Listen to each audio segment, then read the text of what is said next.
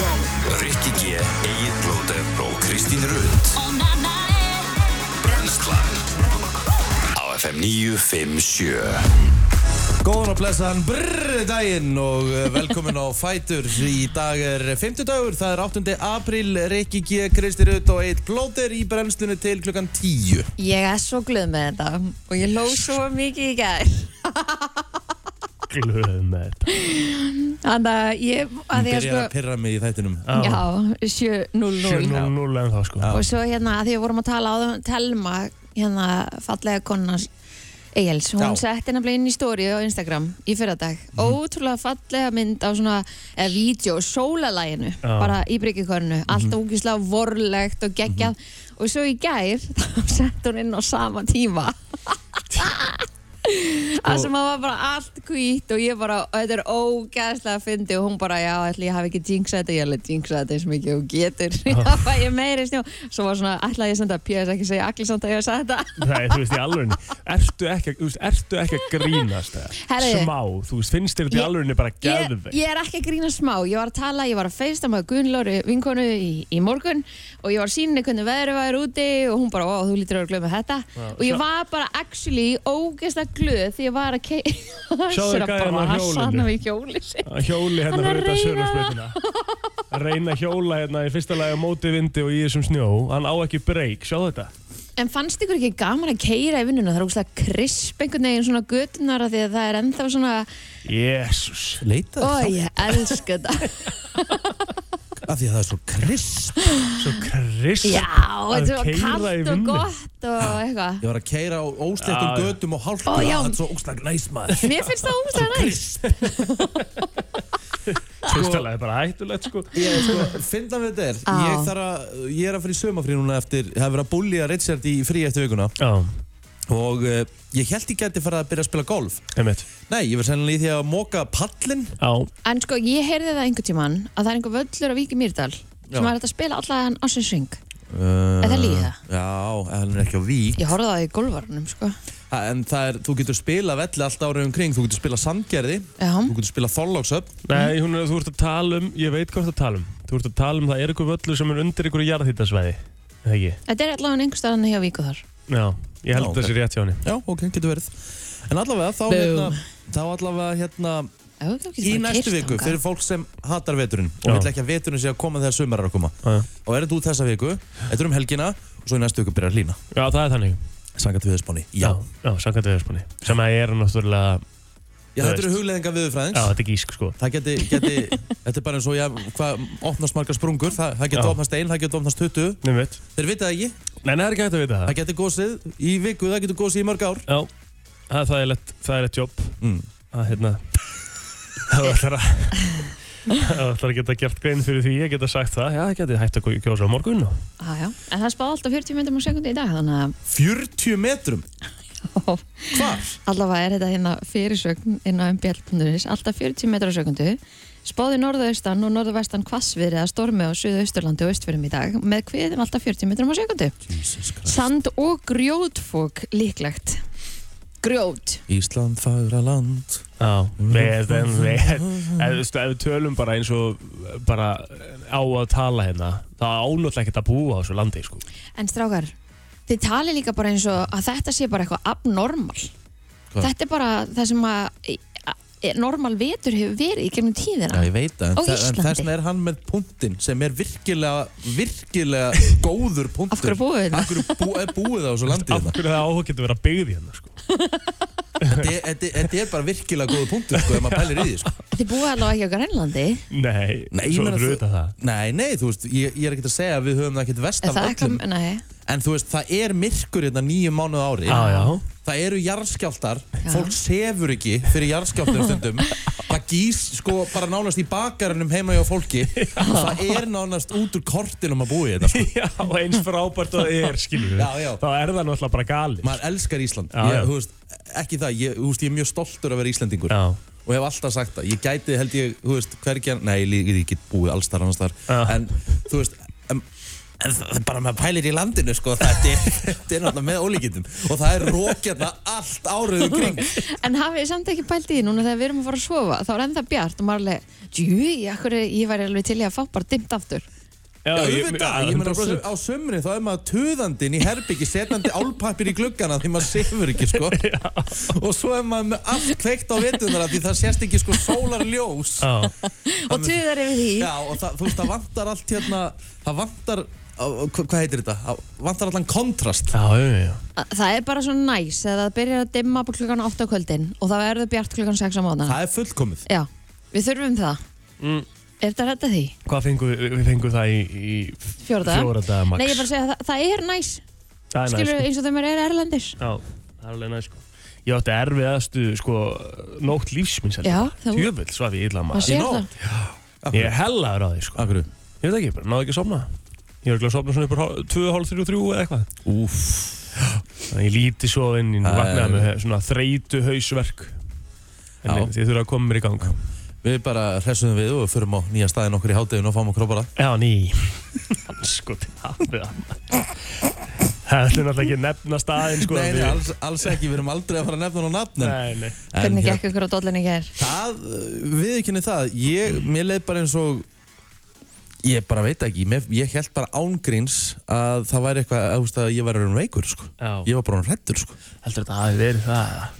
Í nótt Já, Þetta er alveg verið sko. Stípla bara. Já, ég var ekki með í maðurinn samt sko. Nei. Það var ekkert svoleiðis. Bara, e, þú veist, það, það, ég, það er ekki hægt að útskýra Smakkaði fisk á þessum veitingastað sko. Og þessi fiskur var bara svona eins og Hann hefði verið vittu fyrir svona þrem árum síðan. Ói, Og það var svona geimslubræð á honum eins og gömlum netum.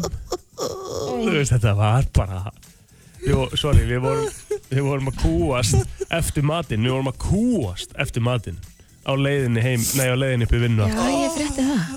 Ó, sko.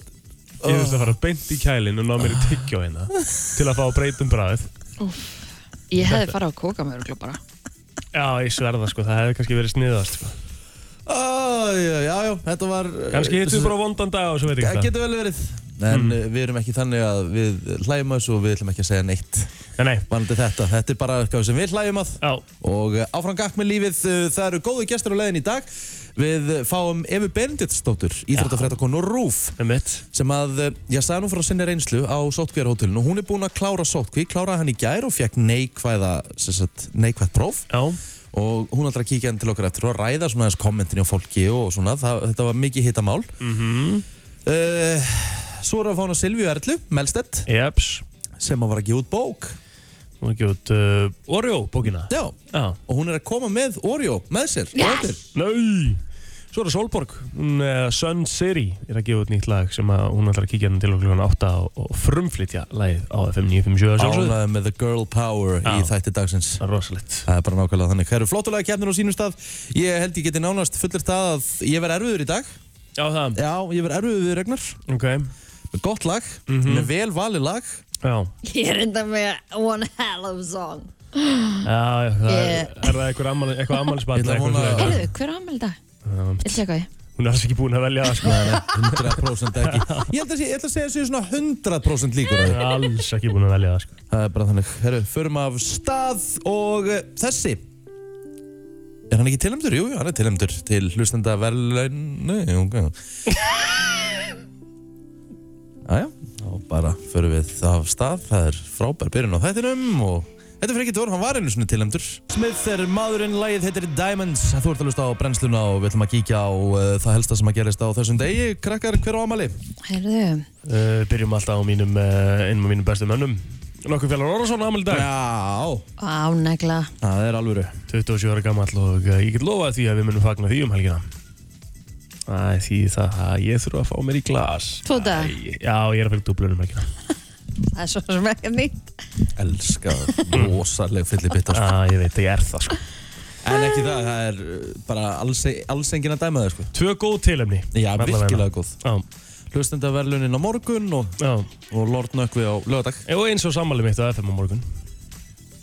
Já Þannig að þú ert sko, þú ert með alvöru til með það morgun. Þannig að þú verður svona smá riðgar þú ert hann að kerið á lögadinum. Já, já, en það verður ekkert mál að komast Getum yfir við þá það. byrja að fá bara hérna í fyrramálið eða? Það er bara átó, jú, jú, það, það þarf alltaf að vera vínir að mæta morgun, sko. Og bara þurfum við að byrja. Áfram gakk, áfram! Herðu við þurfum búblur á morgun. Já, við Ha? komum, þeir komum með eitthvað gott. Herru, Átni Benedikt Átnason, að því við þurfum bara held ég að halda áfram á Facebook, af því að það er náttúrulega uh, ekkert að frétta. Engin frægur sem Já, ámæla á já, minni, fullt af- minni síðu. Aha, fullt ég þér. Já, já, við förum bara aðeins yfir þetta núna. Á, áður en við förum í Facebookið, þá byrjum við bara hér á uh, konginum. Guð blessi Ísland, geir á Horti. Uh, á Amal í dag fættist á þessum degi 1951. Nú Kofi annan, nei, Kofi annan uh, fættur á þessum degi 1938 fyrir maðalreitari saminuðu þjóðana. Nú, uh, já, þá er það upptalið. Já, Já. brjála að gera maður. Herru, hérna, ok, Átni Benedikt Átnason, 29 ára gammal, uh, handbóltamæði Kríu. Aha, Uh, það verður tilbúin síman að þetta. Já, já, ætli það ekki. Valdi Már Hákonarsson, uh, hann er 27 ára gammal í dag líka. Það er annar handbóltamæður, ekki Kríu, ekki ennast á allavega. Uh, það er kongur, þannig að ég sko að hún til hann ekki með daginn líka.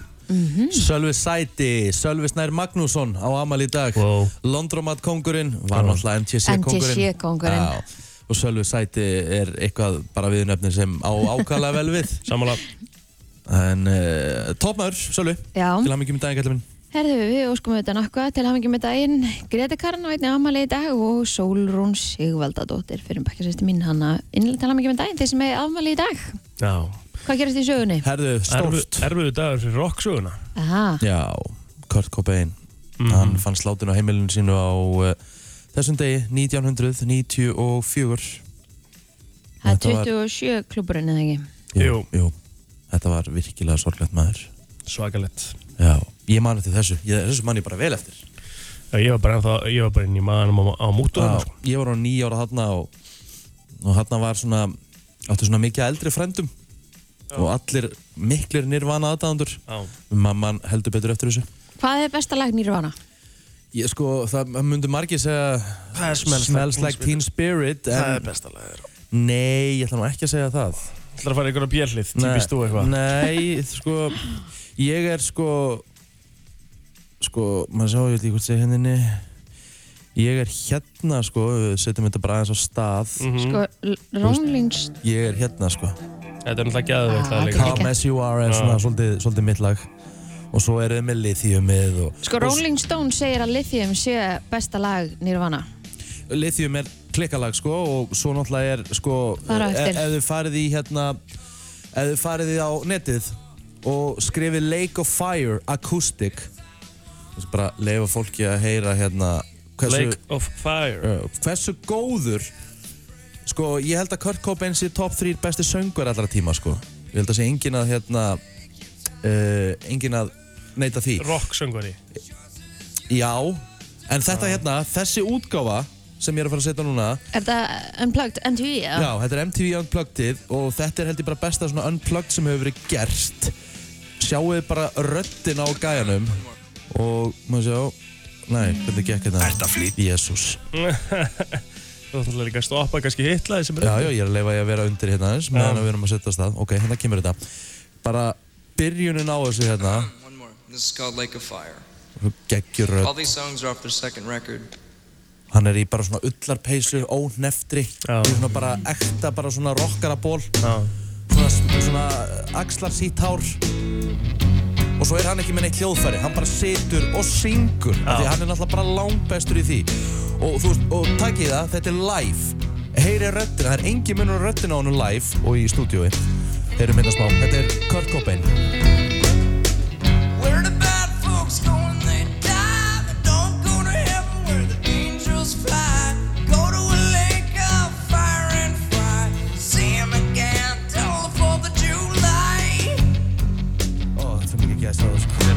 þetta er svo mikil gæst á það sko. Úf, já.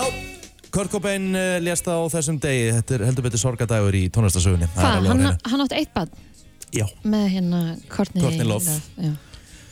Steikt á mínu svona rock tímabili þá hlustaði nú lítið á Nirvana sko. í alvörunni Já, Það er sérstætt já.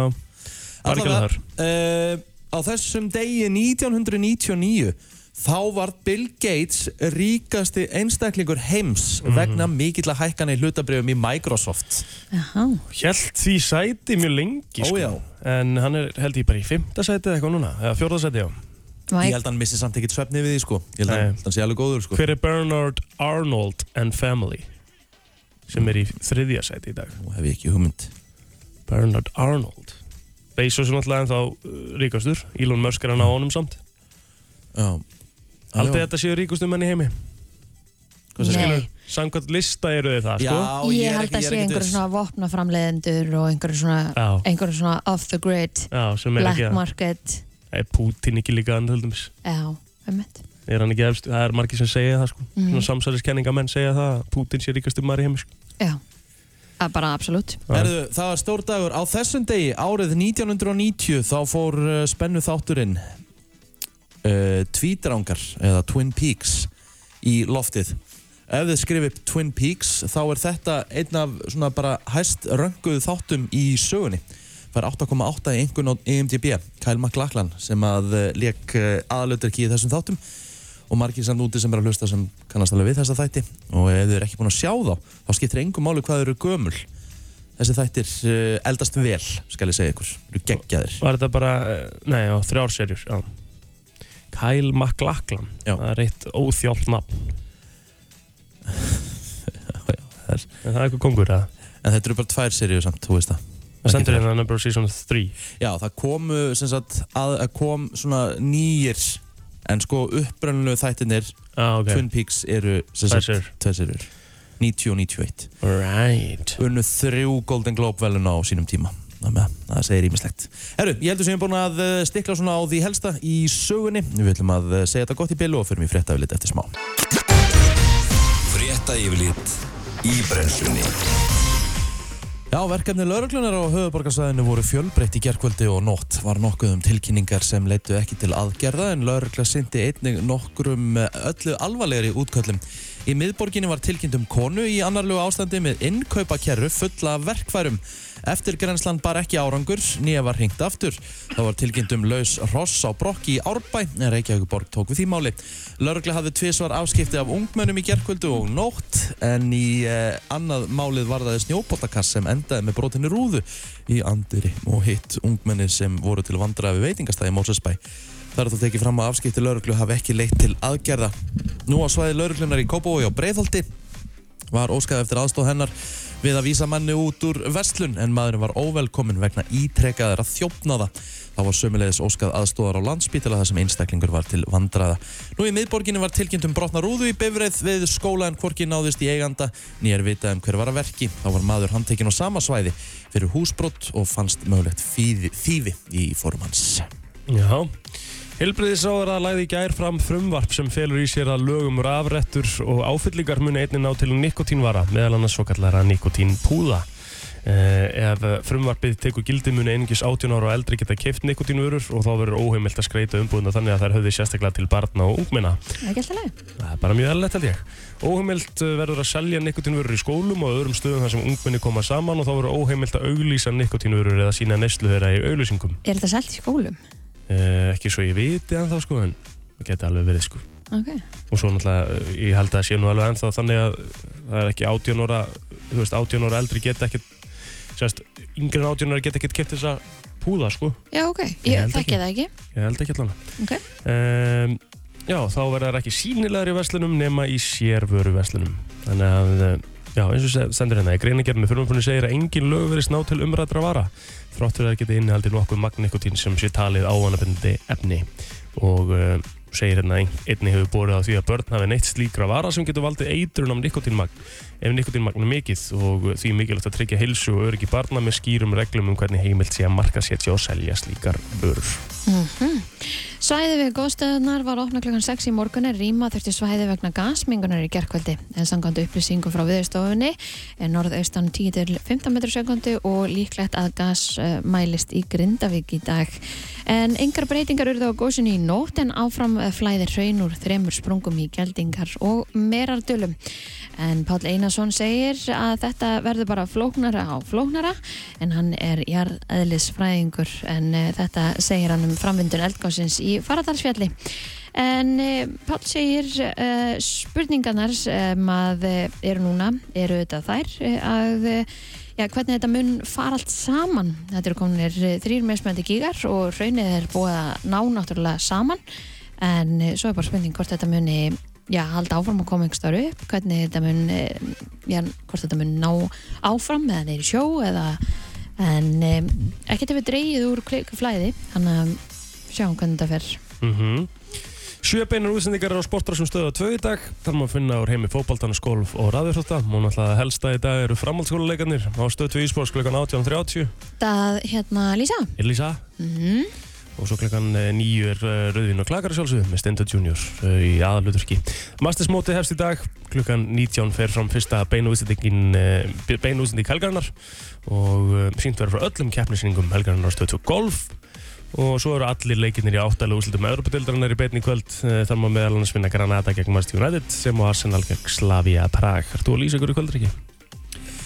Uh, ég uh, er að lýsa í kvöld, já. Ég er að lýsa Arsenal. Já, já, Arsenal. það er yfirvinna hjá okkur félagunum Já, já, það er bara, Það er bara endalust Þetta er eðlilega duglegir. er þetta ekki bara, kallast það ekki bara 50 dagur? Já, já, Jú, Ég herðu. elska ykkur gæðin á Twitter, já, ykkur Björn Kristjánsson, já. Að því að hérna búið svo mikið að myndum, varandi myndina sem Jói Fel, uh, kongurinn, uh, teiknaði mér, eða málaði mér. já. Það kemur ykkur, hver er Rikki G? Já. elska svona, elska svona komment. Herðu, eins og við rættum hér í morgun, spáð alltaf 40 metrum á sekundu var fyrir sögn sem við lásum í morgun, spáði norðan og norðvestan hvassveri eða stormi á Suðausturlandi og Austfjörðum í dag með hviðum alltaf 30 metrum á sekundu, 40 metrum á sekundu. En sand og grjótfólk líklegt, svo farðarlangar er kvatti til að sína aðgott og fólk að tryggja lausamunni. En lægðin og snjókomi bakkin sem að henni fylgdi er á leiðinu austur og fjarlægist landið en eh, skilur eftir sig hjá okkur norðan strekking og allkvassan vind á Suðausturlandi og Austfjörðum. En um, þetta segir allavega í hugleggingu frá viðstofunni. Viður horfur næstu daga, norðlega átt 10-15 metri sökuti. Jél norðaustan til á landinu, bjart verið sunnanheiða, lægir eh, vestan til í nótt og eh, áfram fyrir mig kallt í veðri. Bassi Maras, samnefnt lag og uh, Við erum svo mikið að fara í YouTube-partí á morgun og við erum að fara að taka þetta lag. Já maður, Herri, býtu við ætlum að taka Celine Dion líka. Já, við gerum það líka. Við ætlum að öskra öll, við ætlum að opna út á svalir hjá mér. Oh lord. og þegar línan kemur ég á ekki erfitt með að kalla fram sæðið, við ætlum að öskra það í, í hverfinu. Já, það voru vinsælt það verður vinsælt, mjög vinsælt. Herðu, hérna, mér finnst eitt mjög skemmtilegt. Mm. þegar hérna er verið að segja eitthvað sé vittlust eða heimskur og hún notar svona orðatiltæki. Já, eins og bara núna er svona verið það nýjast að vera sittkort hægur maður. Já, já. Það, er svona, það er svona orðið verið að vera vittlust við hefum sagt það lengi. Það, það, já, það er bara komið í ringa eða. rosalega hægur. Rosalega það, það er hægur. basically að segja eitthvað sé heimskur. Já, já, Sko uh, Það er það er meira ég svona listaði hérna. Mér finnst þetta alltaf ég að fyndi Hjólið snýst en hamsturinn er löngu döður þetta var bara í mál, málsætti þannig Svo hérna er uh, Sko, ef þið eru með eitthvað núti Svona, svona orðatiltæki yfir að vera vitlaus 511-0957 uh, Ekki, þú ert ekki kaldast að kóki í kælinum að stundu verið sagt um hann? Já, já. Eða, Skarpasta peran á trénu eða eitthvað. nei nei, skarpasti nýfurinn í skúfunni. Já, það er líka. Já, Skarpasta, Nei, ekki við það skærasta? Skærast það. Já, eitthvað svoleiðis. Já. Hefur þú heyrt eitthvað? Nei, ekkert svona í fljótu bræði, ég var bara að veltaði fyrir mér sko að hérna, það er eitthvað verra heldur en þegar, við, þegar maður er að hlusta útvarp og svo sem er í útvarpinu er að reyna að koma ykkur á frasa og þeir segja það vittlust. Svona, Eins og ég var að gera.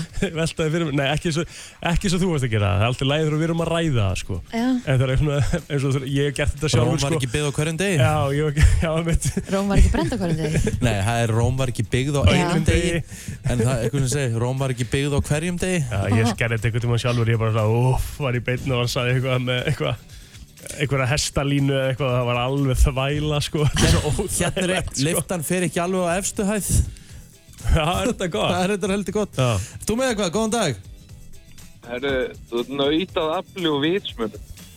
þú ert, þú ert hvað? Naut af afli. Nöytað afli og vitsmjönd. Það er þetta mjög gott. Það er svona þokkalega kurtist Já, Já, og líka þú veist, ef hann er það virkilega, þá fattar það heldur ekki, sko. Þetta er líka góða punktur að því ég fattaði þetta ekki fyrst Ég held að það sé til eitthvað sem að fyrir. heitir sko að rembast eins og rjúpa hafa staurin og ég held að ég hef einhvern tíma sagt hænan við stráið. Já, æ. Já, það er rosalegt. Að rembast eins og hænan við stráið, það er ekki gott. Nei, svo er líka svona annað svona sem ég verið að nota er, er hérna ef einhver er svona að gera eitthvað eins og þú myndir gera eitthvað heimskulegt þá myndi ég segja að þú verður með hátt IQ sko. Í, í kaldhæni Já, já, já, hátt takk í IQ að þér. Þetta er ekki vestló, þetta tekið kaldhæðina Já, er það vestló eða? Það er svolítið, svona vestló, svolítið kaldhæð Það er svolítið gaman að því sko. Ég er svolítið kaldhæðin sko. Þú ert kaldhæðin, Já, ég er já. það líka sko. Já, það er skemmtilegt sko.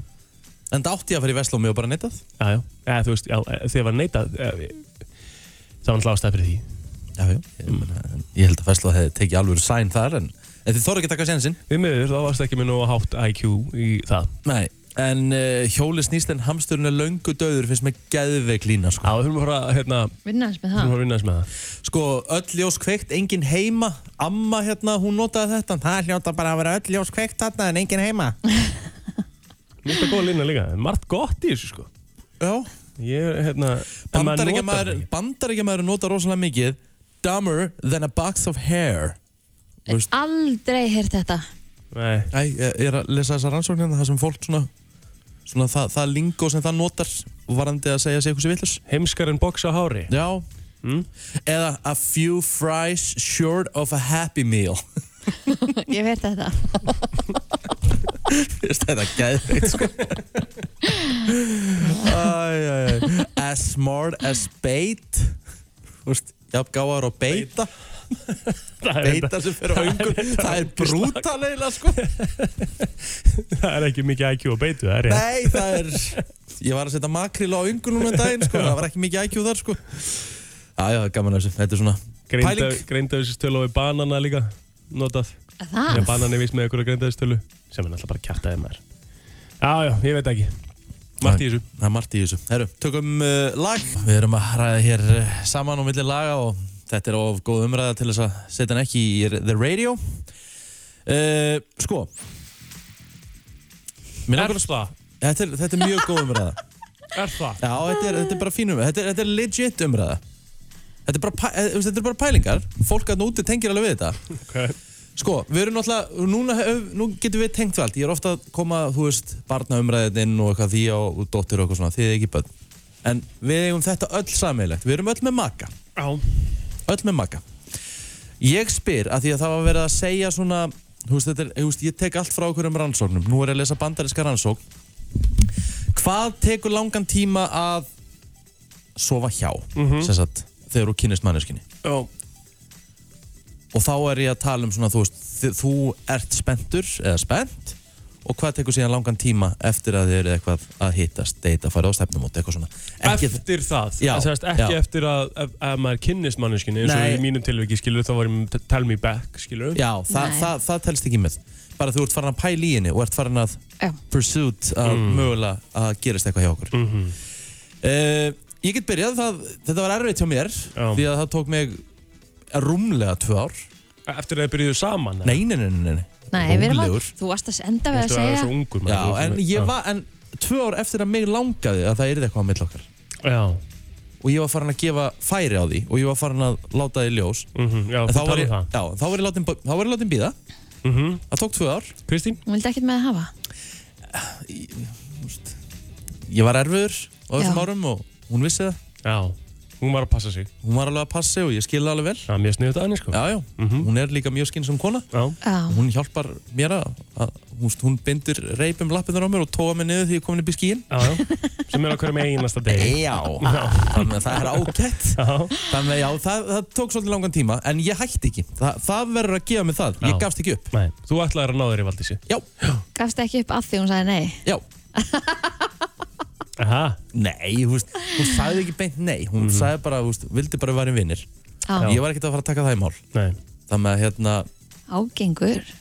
Nei, ég var að það samt alls ekki. Nei ekki þannig. Ég skil alveg hvað þú við samt, bara samt, svona samt, samt alveg fyndið samt, þú veist Þegar ég kannski bauðin í Voruð bí með öð- öðru fólki með það? Já, já, það gerist alveg.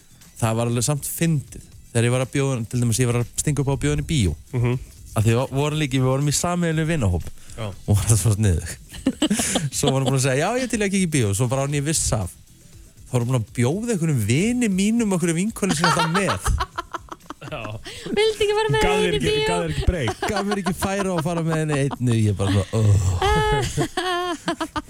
svo mætti maður í bíó og ég hugsaði lána að sagði vinn minn hvað í anskotanum ert þú að gera þetta mjög bara bóðuð Og getur enda geggjað. Já, hún var þetta að mája þetta Hvað tók þér langa tíma ill? Satt hún síðan ekki eins og við hliðina á því kannski.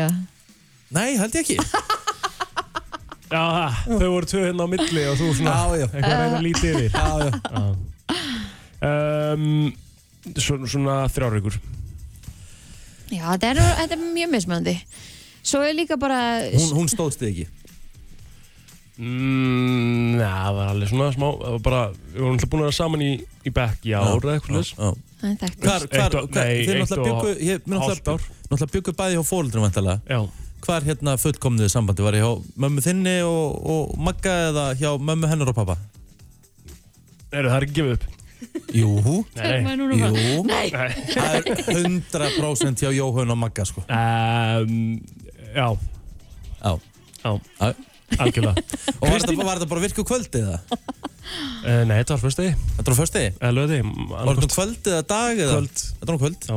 Og voruð einn heima það? mm, Já Ekki voru mamma en það fóstu pappi heima? Ég manna ekki maður Jú, akkur, var það eitthvað steikt kominur Bjó í Já. fóreldrahúsum sko fyrstu fjö, fjögur árin sem Nei, fyrstu Fyrstu sex árin sem við vorum saman Það var bjúkuðu bara í fóreldrahúsum sko Auðmingja mamma en og Maggi Já, Já, Eh, Hvað tók langa tíma með þig og Villa? meira, öfugt Hvað léstu hvað léstu Villa býða lengi? uh, herðu, það var nú eitthvað. Ég man ekki nákvæman tíma. Nei En uh, ekki skemmtilega að halda svona spenninni þegar maður er spenntur eða? Já, já mm, Robert Ég held að. Spennó. Ég að. Ef maður er bara að fara að vera, þú veist, að svo hjá einhverjum, þá bara einhvern veginn lætur maður bara vaða. En maður er kannski, Ef þú ert að hugsa um að gera eitthvað meira þá vilt ekki alveg, já, Já. ég skil þig gefa allt strax. Nei, Æ, ég veit ekki. Þetta er mismunandi. Sum er alveg sama.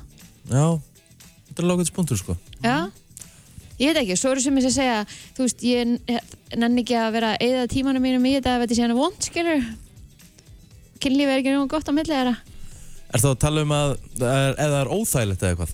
Er gott. Er það að að er, það er? Nei, Nei. bara, þú veist, þú ert tengi spenntur ekki. fyrir einhverjum Já, mannesku. já, já, þú tengir síðan ekki Já, En Ge það er Gerist það? Já, en það, mér finnst það samt lélegt dæmi sko já, Af því að maður getur náttúrulega alltaf Þú veist, lært inn og hvort annað sko já, Já. um mitt. Þú veist, þannig Er að ekki bara samband- að gefa eitthvað e- eitt tækifæri sko Já, ég samband, er það bara, það verður að vera gott kynlíf annars bara er þetta glata samband eða? mm, Já, ég meina, þú veist, ef- ef þú by- ef- ef- sem, þú sett, já, ég er svolítið, ég er að tengja á plótur, ef þú ert að segja mig það, ef þú til dæmis er búin að vera spennt fyrir einhvern strák, svo hjá hann, og þú fengir ekki góða upplifun á kynlífinu, mér fundist það óþægild og svona, er það þá bara, ertu þá bara búin að dæma það og gefur þér ekki annað tækifærið það, þú veist? Mhm, um mitt. Þú veist, það er umrætt sko. Já, Það getur verið hannig nei, Að því að veist, maður þetta er hrifin um manneskinu, ef maður finnst hún skemmtileg og og, það er stundum, og eitthvað sem stundum, hefur verið er að maður- heilla og mann stundum er maður bara stressaður og þú veist, Já. þetta verður alveg, þú veist, maður er alveg lent í því að þú veist, maður er spennt fyrir manneski og svo loksins kemur að því og maður Jep. deliverar ekki. Já, já, en þú veist, það er bara því að maður kannski stressaður og eða ekstra spenntur. Ekstra spenntur. Mm -hmm. hárrétt, Örgulega oftast þannig í þínu tilöki sjáðu hana bananda, banana glottandi og sem við ljúka þessar umræðu við erum að fá góðan Hann gest að hressast. hann er allur að Já, hressast er komin úr úlpunni Já, ég er og... ánægð með hann. Gekkjalag og búið að vera eitt að allra vinsalast á undanförnum eh, mánuðum Birnir og Páll Óskar spurningar og við erum komið með fyrsta gest eh, dagsins Heldur betur, hún heitir Solborg Guðbrands og hún er undir uh, listamannafninu Sun City Hello, góðan daginn. Hvað er að frétta? Bara rosa gott. Já, Ég vakna vanlega ekki svona snemma en, en ég er furðulega hress. já þú ert mjög hress sko, ég sé það líka Já. Hvernig ertu vera að vakna? Já, ef við ekki segja, kannski bara í kringum hátegi. Já, En En það er, það? ég er þar Þú sko. ert í rauninni ekki bíð, þú ert sémanniska Ég er ykkur starfandi langt aftast sko. já. En það vakandi fram til nóttu? Já, Ah. ég er reyna að þróskast upp úr þessu að gengum misvel. Hva, hvað gerist á nóttunni? Ég gláp mjög mikið á sjónvarp og er mjög mikið að vinna í, Ok. í tölvunni. Ég vinn rosa mikið sittnipartin og fram eftir nóttu. Það er, er ekki frekar skrítið það? Nei, sa- samt sumir finnst það bara þægilega sko. Já. Sumir eru bara náttrafnar, sko Og þetta er bara svona, hérna, En the það er stream bara of þinn- creation Sólarhengur þá. Þá fyrir hausinn minn á flug. Kvöldin. Ertu þá að sopna kannski bara fjögur á nætunar eða eitthvað? Kemur fyrir, ég er nú að reyna aðeins að vera betur en það sko. Ah, ok, ok, ok Kannski tvö. En hvað, hérna, hvað ertu núna búin að vera að gera på síkastið? Þú náttúrulega ert búin að leggja fá þetta Instagram á hilluna Já, Það er ekki lengur fyrir þér nei. Þannig að þú ætlar að, og ætlar að gera kannski meira hluti. Þú er búin að vera að semja ykkur á tónlistu svona. Mhm. Hvernig hafa- hafa dagarnir verið? Ég er búin að vera mest bara svolítið, svolítið í sko tónlistinni að reyna að semja. Ég er að vinna í epiplötu núna þessa dagana. Gæðveit. Svo er ég bara að vera að dúlla mér og, og hérna býja eftir að þessu COVID-rugli að það klárist sko. Amen. Svolítið þar sko. grínsmar. Já, maður þarf alltaf einhvern veginn svona að breyta svona eftir hvað má og má ekki hverju sinni sko. Mm Og hvað, hérna, hvað ætlar þér í, í, í tónlistinu með þessi epipilu? Þetta gera þetta allt með hann Jónis eða?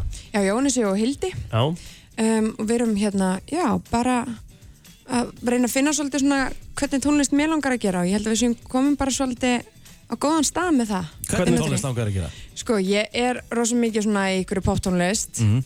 um, og ég syng á ennsku, það er ekki eitthvað rosa mikið af því hérna heima Nei. að því að mér langar til lengri tíma litið að fara með tónlistinu hérna út það hefur alltaf verið draumurinn þannig að ég er bara að reyna að stefna það, smá saman Já, vel gert. Takk Hóruðu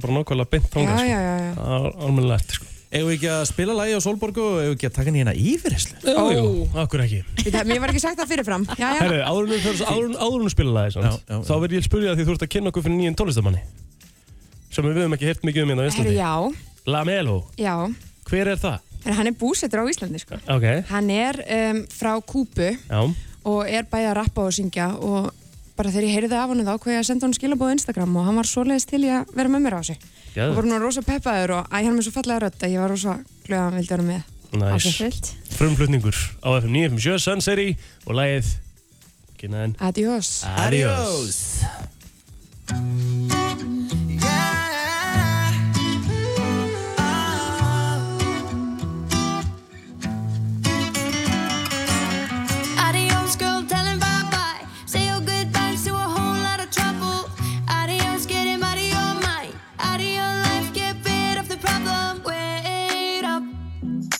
Said he would be home, but now you haven't even taken off your makeup.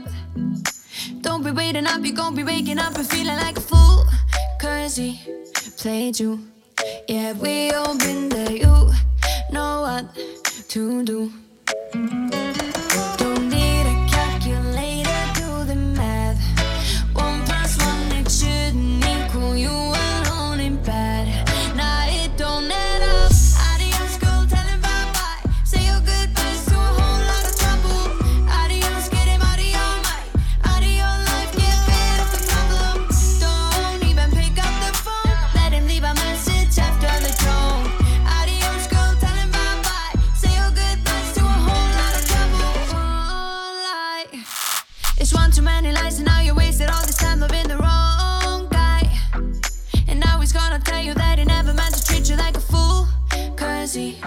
Played you.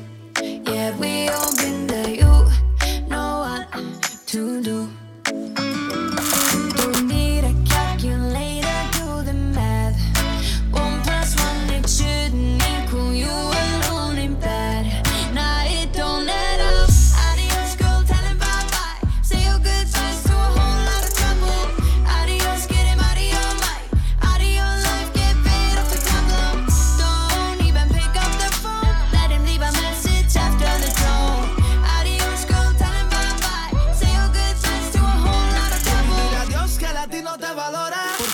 Con él si siempre te sientes sola. Dame una oportunidad y verás que a partir de ahora Nobody juega contigo porque ando con mi pistola. Si te llama no contestes el phone. Esta noche vas de party no hay que dar explicación. Ese culo está bien rico, no cabe en el pantalón. Shaki, shaki, shaki cuando suena el reggaetón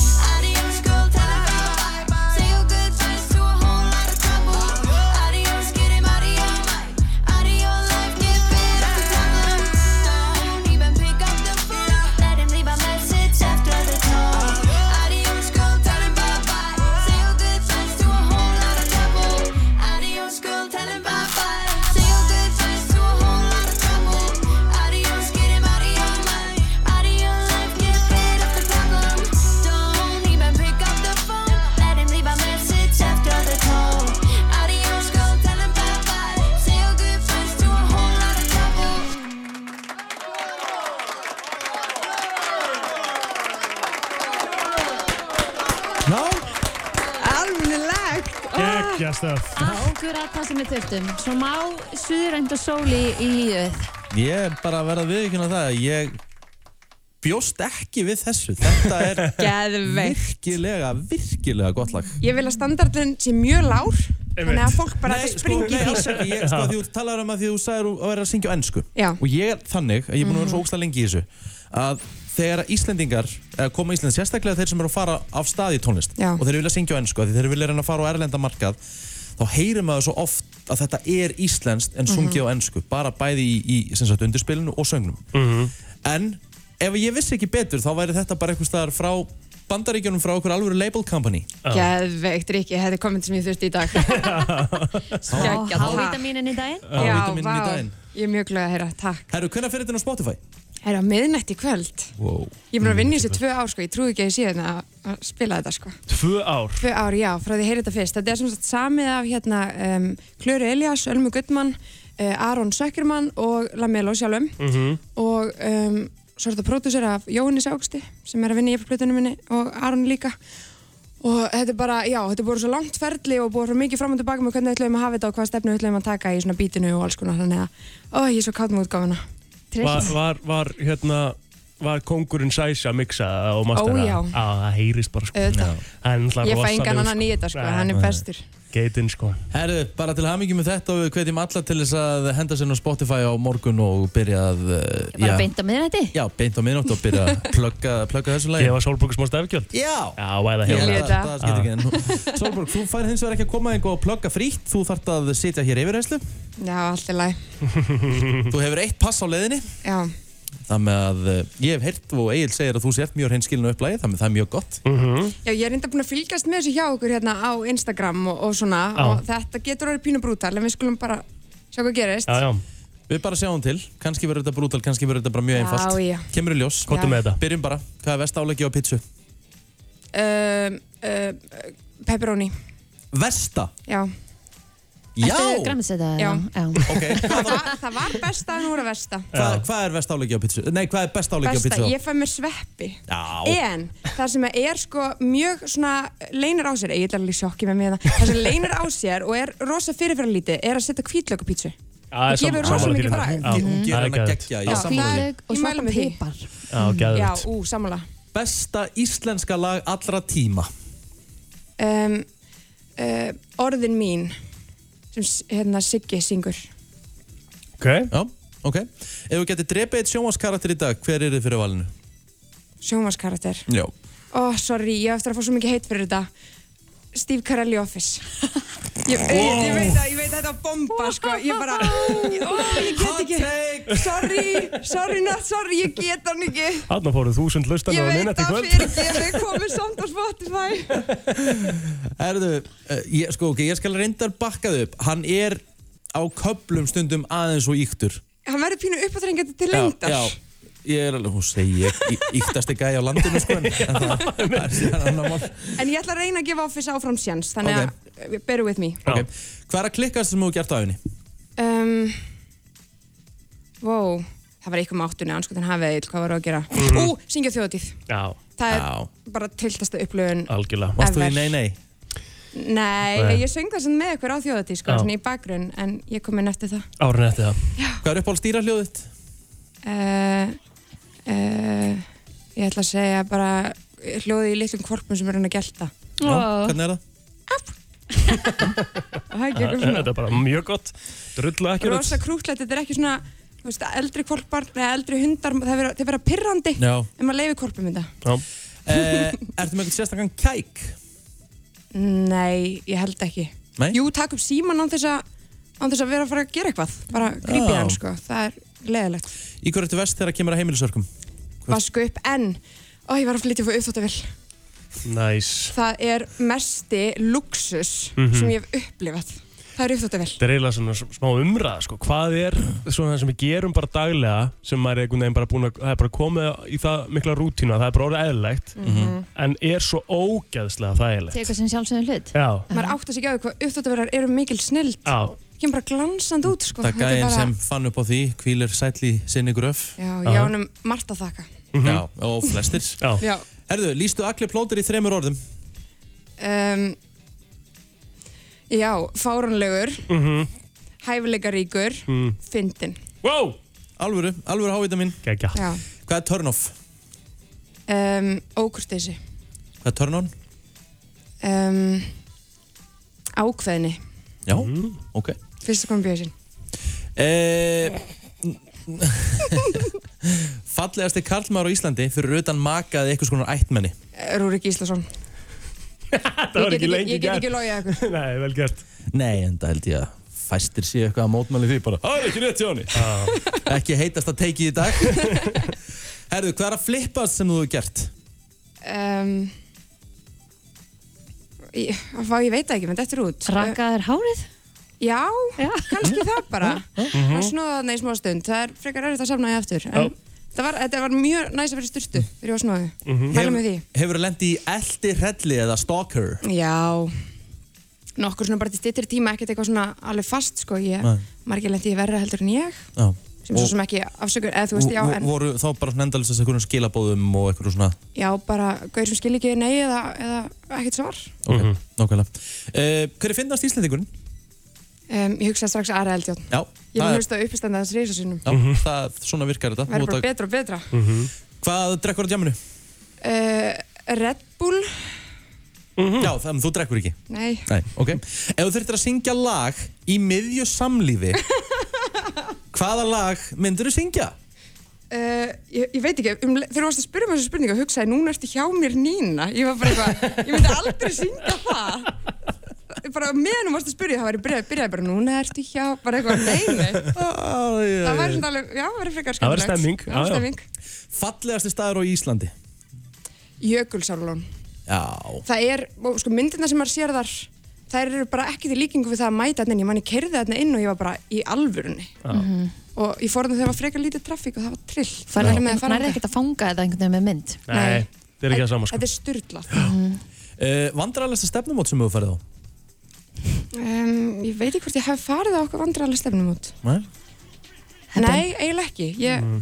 ég kannski tala svolítið bara mikið sjálf. Æ, svo, svo, ég trúi líka að oftast er þetta, þú veist, að maður stjórni í hansi vel sjálfur. Og þú veist, ef maður mætir á deiti og er brosa stressaður og, og þú eru ekki að segja henni, þá verður það vandræðarlegt. Auðvitað En ef maður mann bara að, þú veist, hinn, hinn mannskjörn líður jafn vandræðarlega og manni sjálfum, að þá reynir maður bara að gera sér best.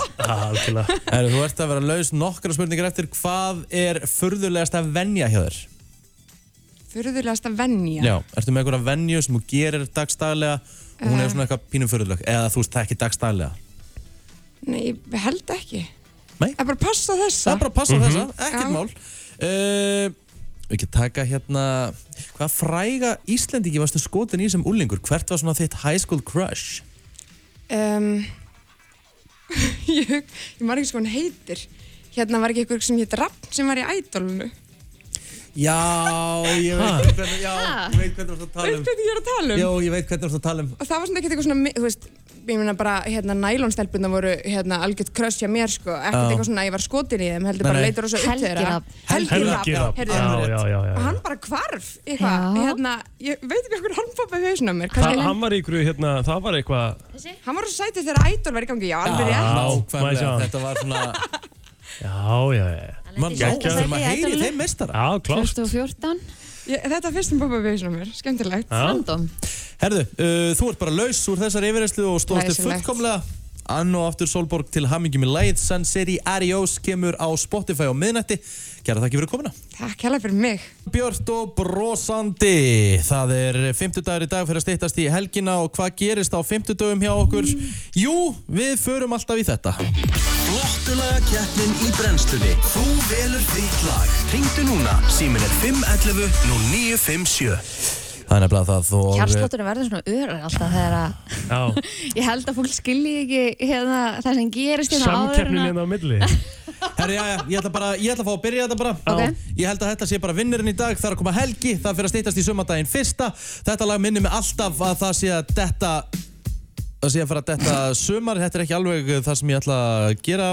Að það kemur að Anna, Þetta er Ice Cube You can do it Þetta er mitt framlag í flottulega keppnina Ice Cube, baby. 99, baby. I'm on the grind, baby. All the time, baby. Show me something. You can do it, put your back into it.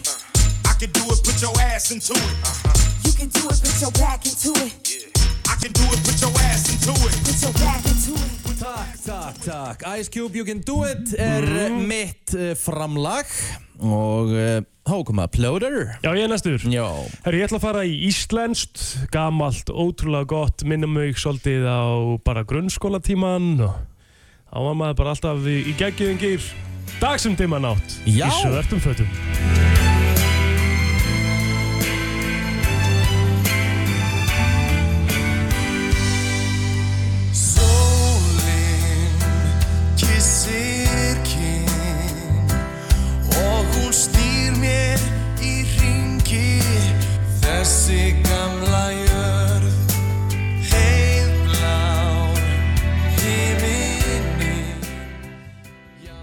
Þetta er alveg lag á, rosalegt. uh, í svörtum fötum Það með er komin tvö sterk Getur einhvern veginn ekki sungið, ekki með. Þetta eru tvö ólík lög sem eru komin allavega. Það er rétt. þannig Og ég er að spá ég að henda inn í þetta uh, enn einni Bombinni. bombunni. Ok.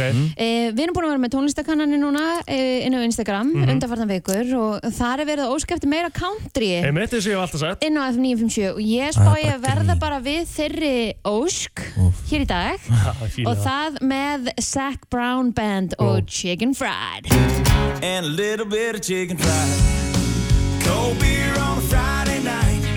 A pair of jeans that fit just right. And the radio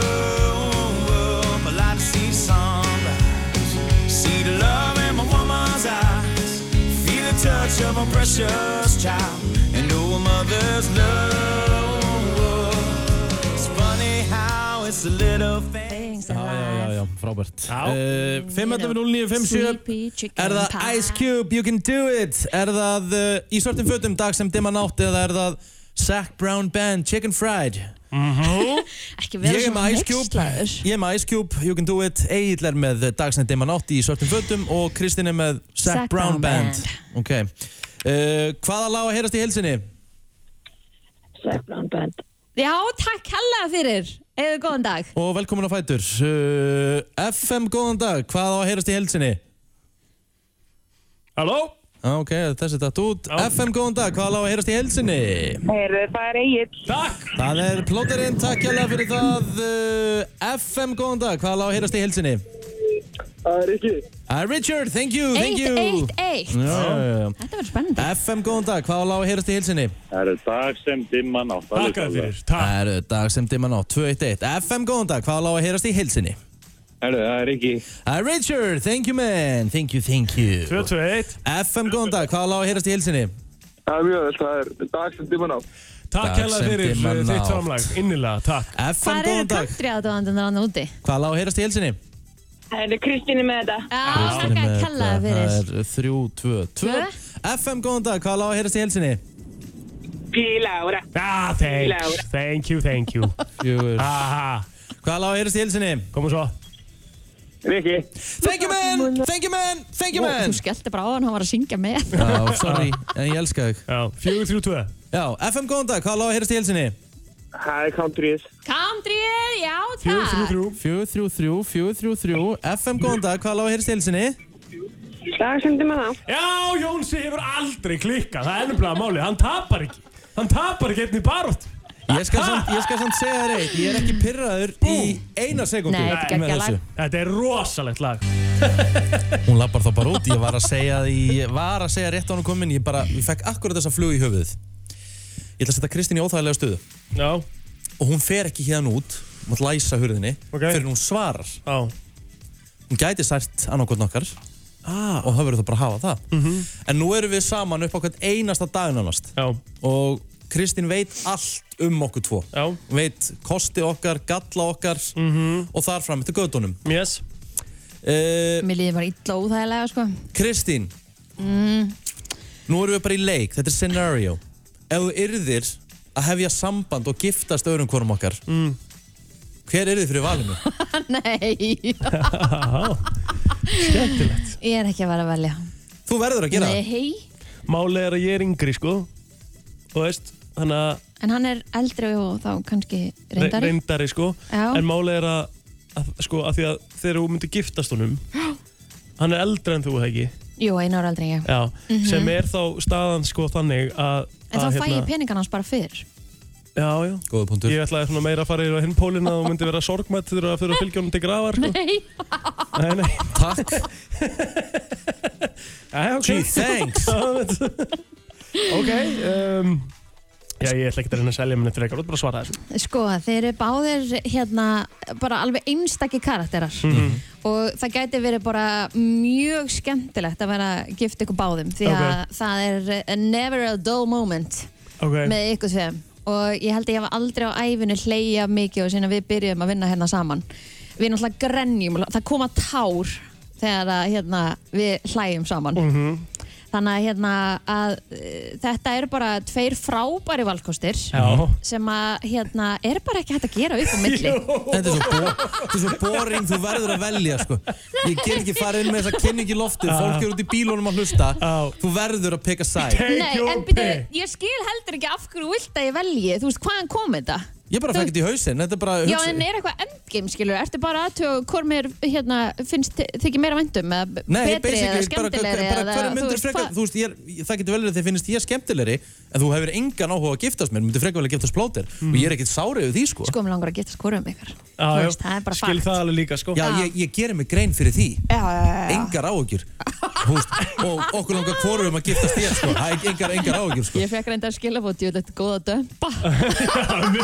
að. Það er. Ég að ég þetta góða Sæli, það er þetta góður punktur.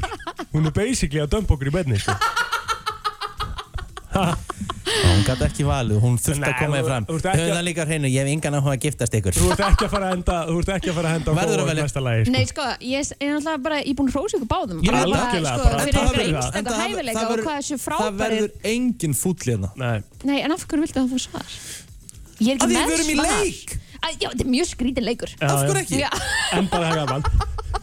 Láttu bara já flaka. fyrir allan ef að mig Já. Já, Ég sko máli er að ég held að ég tengi betur í fjölskylduna þína Til dæmis Já, þú ert endur alltaf að rusluði bróðum minn, Rikki Já, það er bara punktur Allir þykir mér vænt um bróðum minn og Elskar bróðir- Þau heldur mig þykir ekki og- vænt um Og Óla. bróðum Elskar minn bróður þinn, skiptir sko. mig mjög miklu máli Eða bræði mínir Ertu að segja mér, ertu að segja mér það að þú veist ég dyrka bróðin sko og ertu að segja ég sé að rusla í honum, þú veit þetta ljótt mann Ég kalla- Veldu eigi. Þú Ég varst að- kalla þú varst- snæja Neymar af því hann er svo góður í fótballta Skilur Og fallegur. Já. Alltaf fíla hann Þekkir þú snæja? Ný Þú ert sjálfur að tappa hennar fyrir sjálfur. Mhm. Í þessum leik sem þú Nei, valdir ég meina bara, ég, ég er það ósáttu við þig að þú sagt að ég hef verið að rusla við bróðin að veldu eigin sko. ég ætla að byrja þeim að hlusta á þáttinn frá því ég ger bara inn á Spotify eða vísi.is þannig að þegar við vorum að tala um mjólkina og vorum að, vorum að hérna, reyna að ná í Óla og varst að rusla yfir Óla. Já, já, því hann var ekki að svara og ég sagði basically hann að koma og borða eitthvað tíu snitsel sagði hann geti borðað vel. Talandu snitsel. Já, Ég get alltaf búið upp á snitsel sko. já herri, þetta, og þetta salat Já, þarna. grænulíð svolítið Þá ertu komin í þeir austur reynda sko. báðir Ég get rosa gert þig góð í golfi Uh, Já, þeir reyndar, sjáu þið, þið hafið bara endalust að frábæra þeir til dæmis báðir mjög góður að elda þeir Mhm. gerir mjög góða matarikki líka og, og salati hann sem við fengum hjá þeir mjög gott Já. þeir eru mjög skemmtilegir, mjög hæfileikaríkir Æ, bleið, þéni Kristín, hvernig mjög þetta vel velja? þeir myndi að henda mig báðir mjög vel Já, ég ætla að vera Ég, ég verð ríkari ekki sko Já, að það? Já, já, já, 100% En ég þarf að lifa lengur með þér Já, það er rétt. Já, En, já, já, ok. Velja, velja, drekki velja. báðir jafn mikið. Velja, Velja velja, Báðir jafn mikið, 100% velja. Já. Velja. Herðu, ég veit, gerum nýtt. Mm. Það má vera með svona, hérna, fullt af konum. Þannig ég get bara verið með ykkur báða Guð minn góður. Við erum góður, þetta er leiðilegt að svara í sögu útvarps Hún ángríns, hún endaði með að velja engan. Æ, Þú veist, það er glad Það er líka bara skrítið Veldu núna áður en lítur að play Bara go, nafn, eitt rók Ég íti beint á play. Eitt rók Velja vilja minn. I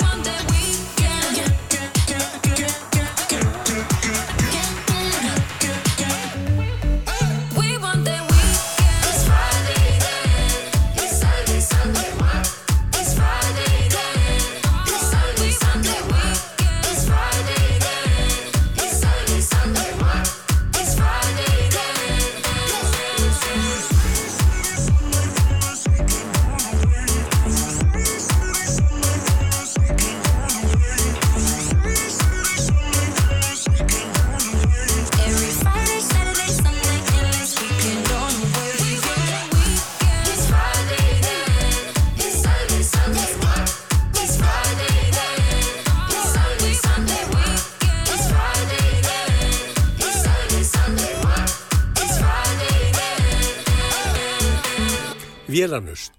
Öflug varalhutaverslun fyrir vöru bíla. Vélanust.is Kalkút, skinka, stökt beikon, bráðinn, ostur, grænmeti og sósa. Já, þetta er bræðingur. Þekkist á bræðinu. Sjáumst á Subway. Glemtir þú einhverju? Það er opið allan sólarhengin í Engihjalla og í Hafnaferði. Æsland. Þú finnur nær allar hlæðslustöðvar á Íslandi í Ísorku appinu. Ísorka, skeifunni 19. Lífærs gallabuxur. Lífærs kringlunni og smáralind. Brennslan. Í samstarfi við Æsland, Subway og Spot Cowboy. Meiri músík. Það er hárið, þú ert að hlusta á brennsluna, brennslan Björn og Brósandi á eh, 50 degi, við erum að stýttast í helgina og við höldum áfram gestaganginum og eh, næstu gestir eru komnir í stúdíóð Plóter. Heldur betur, eh, það eru góða gestir, Jói eh, P. er mættur hérna og eh, Jói, þú kannski fara að kynna okkur fyrir hinnum þeimur. Sæli, sæli, já, ég gerir það kannski. Mhm. Uh, já, ég er sem sagt Jói P. og með mér eru Hafsteinn Sístón, eða Hafsteinn Tróðsson og Rakel. Hei, hei. Velkomin. Velkomin. Hvað hérna, hvað er, hvað, hvað er í gangi? Nýtt lag? Uh, heldur betur, nýtt lag í Mhm. kvöld á miðnætti sem kemur á Spotify og, og út um allt. Mhm. En það lag heitir Ég var að spá, ég myndi að finna hennan til að senda það. Já. Mhm. Er þetta ekki úrsöklega það? Nei. Er þetta ekki rétt að lagi? Hvernig byrjaði að vinna saman? Master Roulette. Uh, við komum úr smá ólíkum áttum svona tónlistalega séð sko en erum öll kannski svipuð inn við beinið Já og hérna uh, já, ég og Jói kynntumst í að vinna saman á plötunni þeirra, Jói P. Króla Já. og hérna byrjuðum að tjúsa einhverja músík saman og ég og Rakel höfum að gera músík líka saman Mhm. Mhm. og já, við vorum bara ætlum að eitthvað, langaði að gera eitthvað saman sem að hérna átti að vera reyndar í dramatískari búning Ok. Já, sem fættu eitthvað var leðilegt. Já, og við vorum að reyna að fá hérna, Jóa til að syngja á ennsku og eitthvað svona, það gekk eitthvað brusulega þannig að við Áttur erfitt með enskunni, Jói? Já, ég er ekki sleipur enn, sko. Þannig að já, við fórum bara ákveðum að fara að gera okkur tónlist en... Það væri skemmtileg. Já, skemmtileg. Það eru mjög margir samt sem segja þetta, bara, þú veist, þetta, þetta komi bara ekki á ennsku hjá sumum Já, og mér er bara, það erfiðara, sko. já, Það er- finnst já. bæði bara auðvöldar að semja á íslensku og að koma þessu frá sér í íslensku. Ég finnst það eru, nei, auðvöldra sem ég á íslensku eða ekki. Já, ennsku. Já, ensku. ensku. Það kemur Já. betur til mín, sko. Ég, ég hef meina, þú veist, þú hefur miklu meira orða fór það ennsku, skilur, þú hefur miklu meira orða að móða einhvern veginn og mér veist allavega að semja texta á ennsku finnst mér miklu öðvöldara, sko. Já, finnst það? Já. Já, það er ákveðin sko, hérna, að því að þú ert ekki að syngja móðmálinu þannig að þú ert ekki að mekla beintengingu við uh, orðin sem þú ert að segja Einmitt. þannig að það verður svona ákveðin filter á hérna, textagerðinni. Já, maður er svona ekki eins berskjaldar veginn. Á Já. nátt. Mhm. Herri, já, ég er með þetta. Já, voru Þú með það. Já.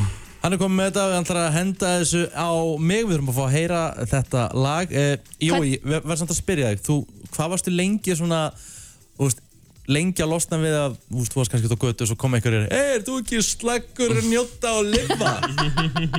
Jú, það... Varstu ekki svolítið lengi að losna við það? Það var alveg, tók sér tíma, sko. Já. En það er alveg ennþá gaman að fá það, sko. Já. En kemur ekki eins og oft, alls ekki. Nei, skil. Herri, hvernig tónlist er þetta? Hvað eru að fara að hlusta á? Hafi. Þetta, er- er- er svona sumar, sumarsmellur Já, með... saman í november Já, næs En hérna, veit það eitthvað, svona pop syns það indie stemmari Já, Gæðveitt maður heldur betur. Herru, heyrum uh, lagið kæra þakki fyrir komuna og uh, hvetjum alla til þess að kíkja á Spotify á miðnetti í kvöld. Heldur takk, takk. Afterglow heitir uh, þetta lag og uh, þú ert að hlusta á FM og við erum komið með hana völu hér til okkar. Hvernig ertu? Vittlust Mike. Vittlust Mike, hún er alltaf í ásnum, á að vera í númer tvö.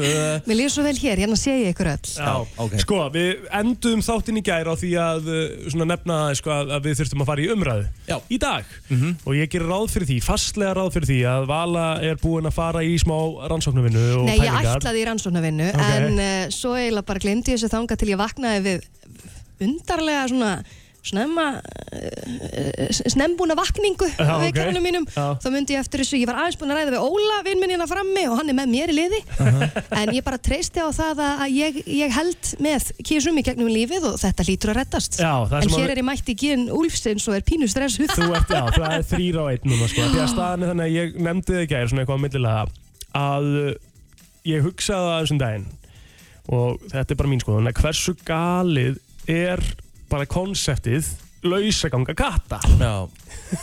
Nei, þú ert ekki að lusta á bylgjuna. Hversu galin er Egil Plóter? Nei, þú veist, lausaganga katta er alveg steikt konsept. Mm. Ég er sammálað, sko. Já, Ég, ég til dæmis fekk tilkynningu á hérna, íbúðargrúpuna sem ég er í. Þar sem að hérna, það var búið að eh, kúka í ungbarna róluna á róluvellinum sem að er hérna, í mínu hverfi. Og í- maður getur alveg gefið sér það að það var enginn út að labba með hundin sinn og lefði honum að skýta í, í rólu sko. nei, nei. Þú veist, þú ert með b- hund í bandi þannig að hérna, við getum alveg gefið okkur það hvaða dýr þetta var sem að skeit þarna í þessa rólu. Agalega lagt á ykkur. Já, Það ég þurfa að þrýfa einn ein lítinn kúkur einn Nei, lítilli en rólu byrju, hver á að þrýfa þetta? Ekki kemur Bara eigandi sá þessa sem köst kemur að þessu, þetta Nei, er ekki af hverju ætti hann að gera það? Af, já, okay, Til að en- geta notað róluna, en bara ekki kúkinn. stórmál, af hverju eru þá allir að fríka út yfir því að, að eigendur hunda sé ekki að taka upp sinn kúk? Sko það er annað þegar eigandin er með í för þá er óskup eðlilegt að eigandi taki upp ég en af hverju er það þá svo óeðlilegt ef að, hérna, að hann eigi ekki að vera að þrýfa upp eftir sinn hund ef að, ef að þú getur, ætti ég þá bara að senda minn hund út Mhm. og leifa honum bara að vafra um kúka það sem honum sýnist og að því ég er ekki með þá þarf ég ekki að þrýfa þetta upp. Er náttúrulega annað mál vegna þess að lausaganga hunda er allt annað mál. Dýrin vegna þess að er eðli hunda leið mér að tala, eðli hunda og katta er rosalega ólíkt.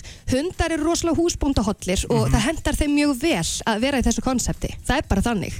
Og hundar, ég meina sko allir mínir hundar í gegnum tíðana hafa gengið um lausir vegna þess að ég kem úr fjölskyldu sem er bara á móti því að hefta umferð dýra en það búa pappi, pappi og mamma út fyrir bæjamörkin þar sem þetta má. En hundurinn okkar, hún fer ekki einu sinni langt ein, hún er eiginlega út í garði, hún vil hafa fólk með sér hundar eru bara öðruvísi gerðis Þess vegna En ég finnst mér að þetta það frekar að lifa þetta sko. En ég menna það var, já, svo þeir skýta bara í sínum En eigin garði. við skulum líka taka eitt fram þó ég sé líka í liði með hundum, ég elska hunda Já, já. og ég vil meina að eigandurnir þeir segja allt til um það hvernig dýri verður þannig ef að eigandurnir fara vel að hundinum þá er hundurinn aldrei að fara að vera hættulegur Einmitt. en hundar eru stærri hundar, eh, fólki stafar meiri ógn af hundum innan gæsalappa ég, ég vil samt taka það fram, ég er ekki að skjóta niður hunda áfram Nei. hundar Ég skil þi- þinn Já. þann punkt vel að En það er kannski allt saman. Það var bara ekki lausagangu Já. katta og en, lausagangu en hunda. segja mér af, af hverju er það eðlilegt? Við erum bara ennin dýrategundin á þessari jörðu. Hver segir það að við séum þeir sem eiga ákveða? Já, þú mátt ganga frjáls. Þú ert href- hneftur í þrældóm og mátt En sko, bara gera sem ég segi. Það þér. stafar engum ó- að olla hundinum hans hérna Rikka eða, eða hundinum hans Egil sko. Er það bara alltaf lægi að senda það út og þeir fara bara að skýta og, og, og þeir koma svo bara aftur inn á eftir? Nei, vegna þess að sjálfsög verða það sama að gilda yfir alla. Ég skil þá sko vel, þó mér finnst þetta hundleðilegt, en við skulum líka hafa það á hreinu að hundar eru miklu minna sjálfbjarga en kettir.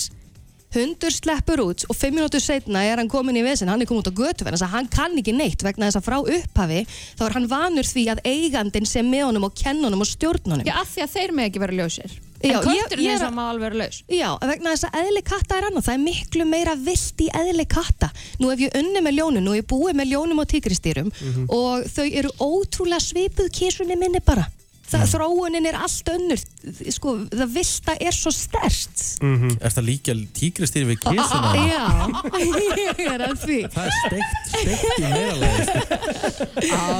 Í, sko, grunninn, eðlið. Við skulum opna það síma, hvað hefur þú að segja mynda? Góðan dag Góðan daginn, sko, Góðan um, ég er á báðum hliðum. Já. nema, sko, náttúrulega, sko, kettir eru viltir, hafa alltaf verið viltir Já, akkurat. þannig að það er rosalega erfitt að úst, að byrja að ala alla kettir núna eins og hunda þess að er Mhm. ekki, þetta er ekki sama dýrategundir. Nei. þetta er eins og úst, ætla að banna lausagangu fugla. Nákvæmlega. Þrýfu Nei, come on. Jú, áfram Nei, þú. come on Lausaganga fugla Nei, samt ándjóks. Þetta, þetta eru frábær raukjáni. Það, má alveg heimfæra þetta á sama ástand.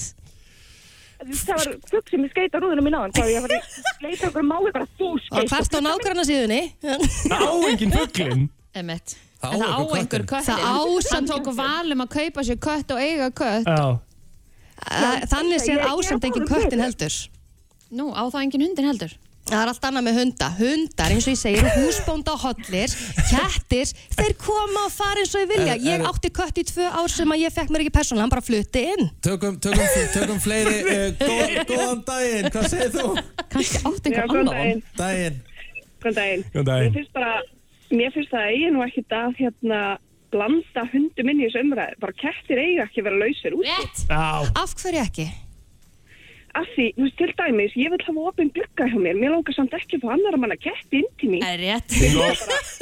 Ég skil að það getur verið pyrrandi Ég skil það mjög vel Það bara gerðist í gær, þess vegna er ég að hringja. Já, hún er brennd. sko.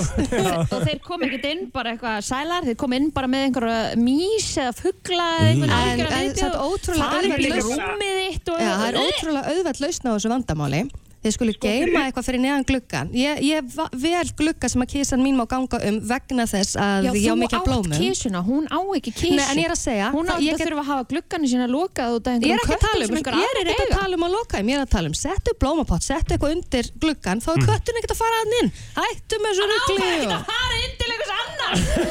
Hann gerir það ekki að þú stoppar það. Herru, ég hef aldrei séð símkerfið kvikna, kvikna Herri, nú er ég hundakall. Já.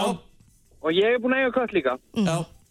Það sem að mér finnst ógæslega pirrandi í þessu er það að ég eigandi hund, ef að hundurinn minn fer í garðinu á nágrunna mínum, þá er hann ekki sáttur. Nei. Ég skil að það, það er byrjandi Já, nágrunni minn, hann er örglega, ég held hann sem er sex ketti.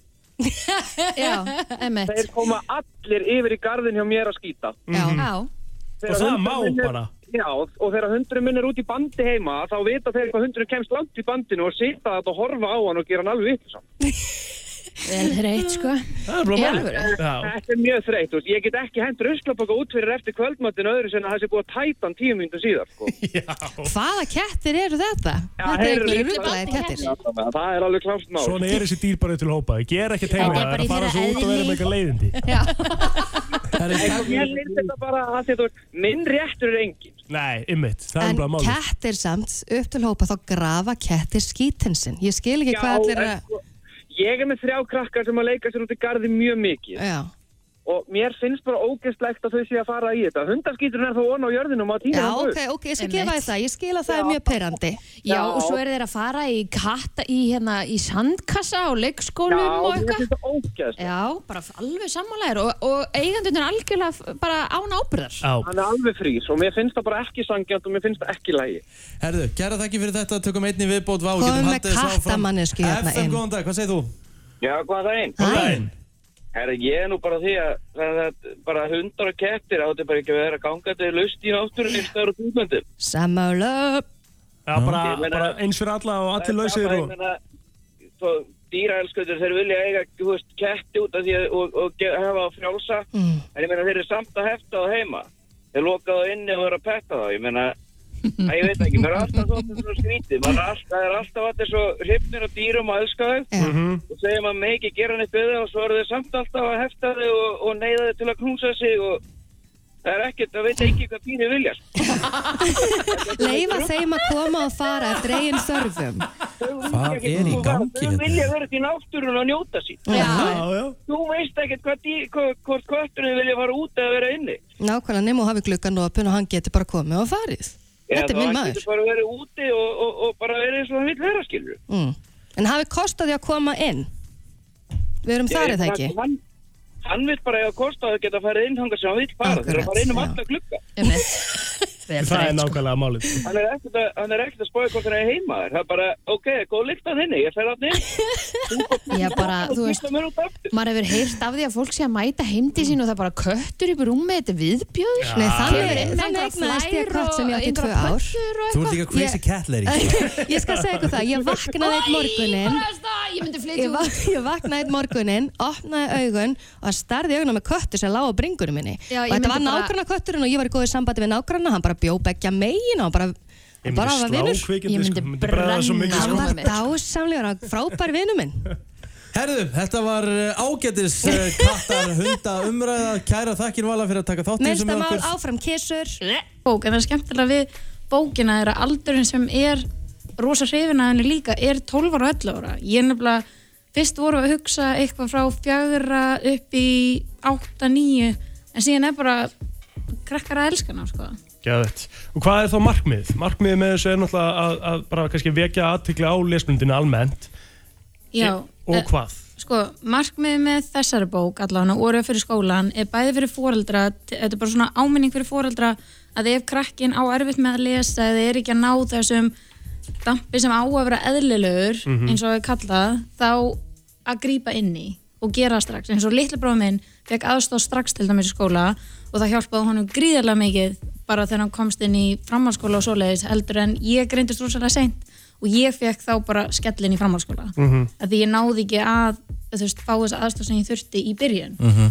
að því náttúrulega vissi enginn ég var lesblind en síðan er þetta líka bara fyrir krakkana þegar þeir lesa þetta með fóreldur sínum að þau bara svona, já ok, ef ég á kannski erfitt með að lesa, er lengri að læra að lesa þá er það lagi, Einmitt. ég næði alveg það bara tekur tíma, bara eins og Oreo Já. gerir, skilur já. og við sýnum til dæmis aðferði hvernig ég læri og ég, þú veist, kalla þetta loppukort í gegnum Oreo út á loppunum hans þannig ég teikna þetta upp á barnalega máta aðferðina mína, hvernig ég Mhm. læri svo krakkarnir geta nota hana og líka, þetta er líka svo gott fyrir krakka sem eru ekki lesblindir og fyrir fóreldrar sem eiga ekki lesblindböld nei eitthvað, þannig erum við að útskýra líka ok, hvernig er að vera lesblindur. Mhm. og að það getur verið ykkur í bekknum og já, þannig að þetta er svolítið þannig. En síðan eru þetta líka þetta er, já, er nefnilega kemur ekki bara ein bók út, það kemur meira No. í konseptinu við þetta sko Já, þetta er bara orðið trademark. Já, það er að koma út lag, síðan kemur bara teiknumind Geðveikt. Þannig að þetta er allt í svona, já, Þú varst sjö ára að gera lesmyndu myndina. Mhm. Hvað varstu lengi, varstu lengi að skrifa bókina? heyrðu, bókin var, hvað voru við, eitt, tvö ára, eitthvað svolítið. Já. Sko, geði fyndi, ég held að vera ekki eitthvað easy að gera barnabók. Þegar ég Mhm. ákvaði að gera þetta, var ég bara eitthvað, heyrðu, ég ger bara barnabók, en Guð hjálpi mér hvað það er það ekki, sko. Einmitt. Þannig bara bravo til alla þeirra sem er að gera barnabækur, þetta er ekki eitthvað sem bara er ekki eitthvað easy, að því að þú þarf að hugsa um einhver einust atriði þarna.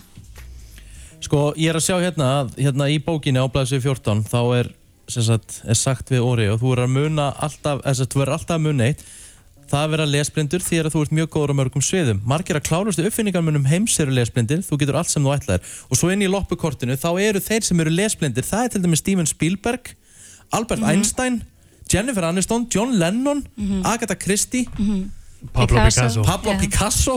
Já. Isaac Newton, Já. það er svo margir. Sem hafa náða árangri, sem hafa verið lesmyndir. Mhm. sem hafa þurft að finna sig aðra leið og þannig náður að búa til eitthvað sko. Það er eitthvað sem segir mér að ég sé að fara að lesa þessa og fyrir Sandís í kvöld. 100%. Það ekki? Jú. Silja, til hamingjum bókina, þetta er ógeðslega flott sér uh, og sko Það er hægt að ná í eintak. Já, geðveika hinn líka. Mhm. það er mjög flottar Já. ég er mjög ána með það, hann Þórir er alveg geggjaðu teiknar sko. Mhm. en það er hægt að fá hana inn á salka.is Aha. salka er náttúrulega að gefa út bókina salka bóka útgefandi Mhm. um, og síðan er hægt að fá hana núna held ég, hún er komin í Hagaup, Eymundsson og allar þessar bókavæslanir sko. En af hverju heitir hann Oreo? Oreo fyrir skólan Nei, af hverju Nei. heitir hundurinn Oreo? Já, af hverju heitir Oreo Oreo? Hvaðan kemur nafnið? Sko, uh, þegar ég fekk hann, eins og sést aftan á bókinni, þá var Oreo eins og hann var eiginlega svartur og hvítur Já. þegar ég fekk hann, sko. Já. Mm. Þannig að þegar ég sá það þegar hann var lítill, þá var ég og litli bróðum minn að hugsa eitthvað hvað við var að skýra hann og ég, eins og næstu hundur minn á eftir að heita Snickers. Mér langar að eiga Oreo Snickers. Já. Mér langar að hafa eitthvað öðruvísi nafn heldur en þessi hefðbundu nafn. Mhm. Þannig við fórum bara eitthvað að googla og ég fór að googla eitthvað súkulega og, og þú veist, og síðan finnst mér ekki að fyndi að maður á tvo hunda að skýra á Betty og Crocker, Betty og Crocker. Ok, það er bara fyndið. En já, og litli bróðum minn eiginlega fann þetta og sagði bara eitthvað enn Oreo og ég var bara eitthvað, já, það Hvað hann? Hann, uh, ég var öðrar í Vestló, hvað var maður gammal? Uh, 17, 18? se- Já. Slis. Það er kannski auðveldar að segja hvað er hann gammal? Já, hann er hundurinn er áttur á. Hann er að verða áttar í þessu hús. Akkur fór ég þetta? Ég veit það ekki.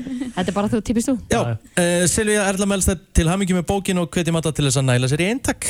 Takk fyrir. Brænslan Björn og brósandi á uh, 50 degi, það er uh, 8. april í dag og uh, við erum komið góðan gest í stúdíóið, hún heitir Eva Benedikt Stóttir, er íþróttafréttamaður á RÚF og nýlaus úr Solkví! Hvernig er frelsið?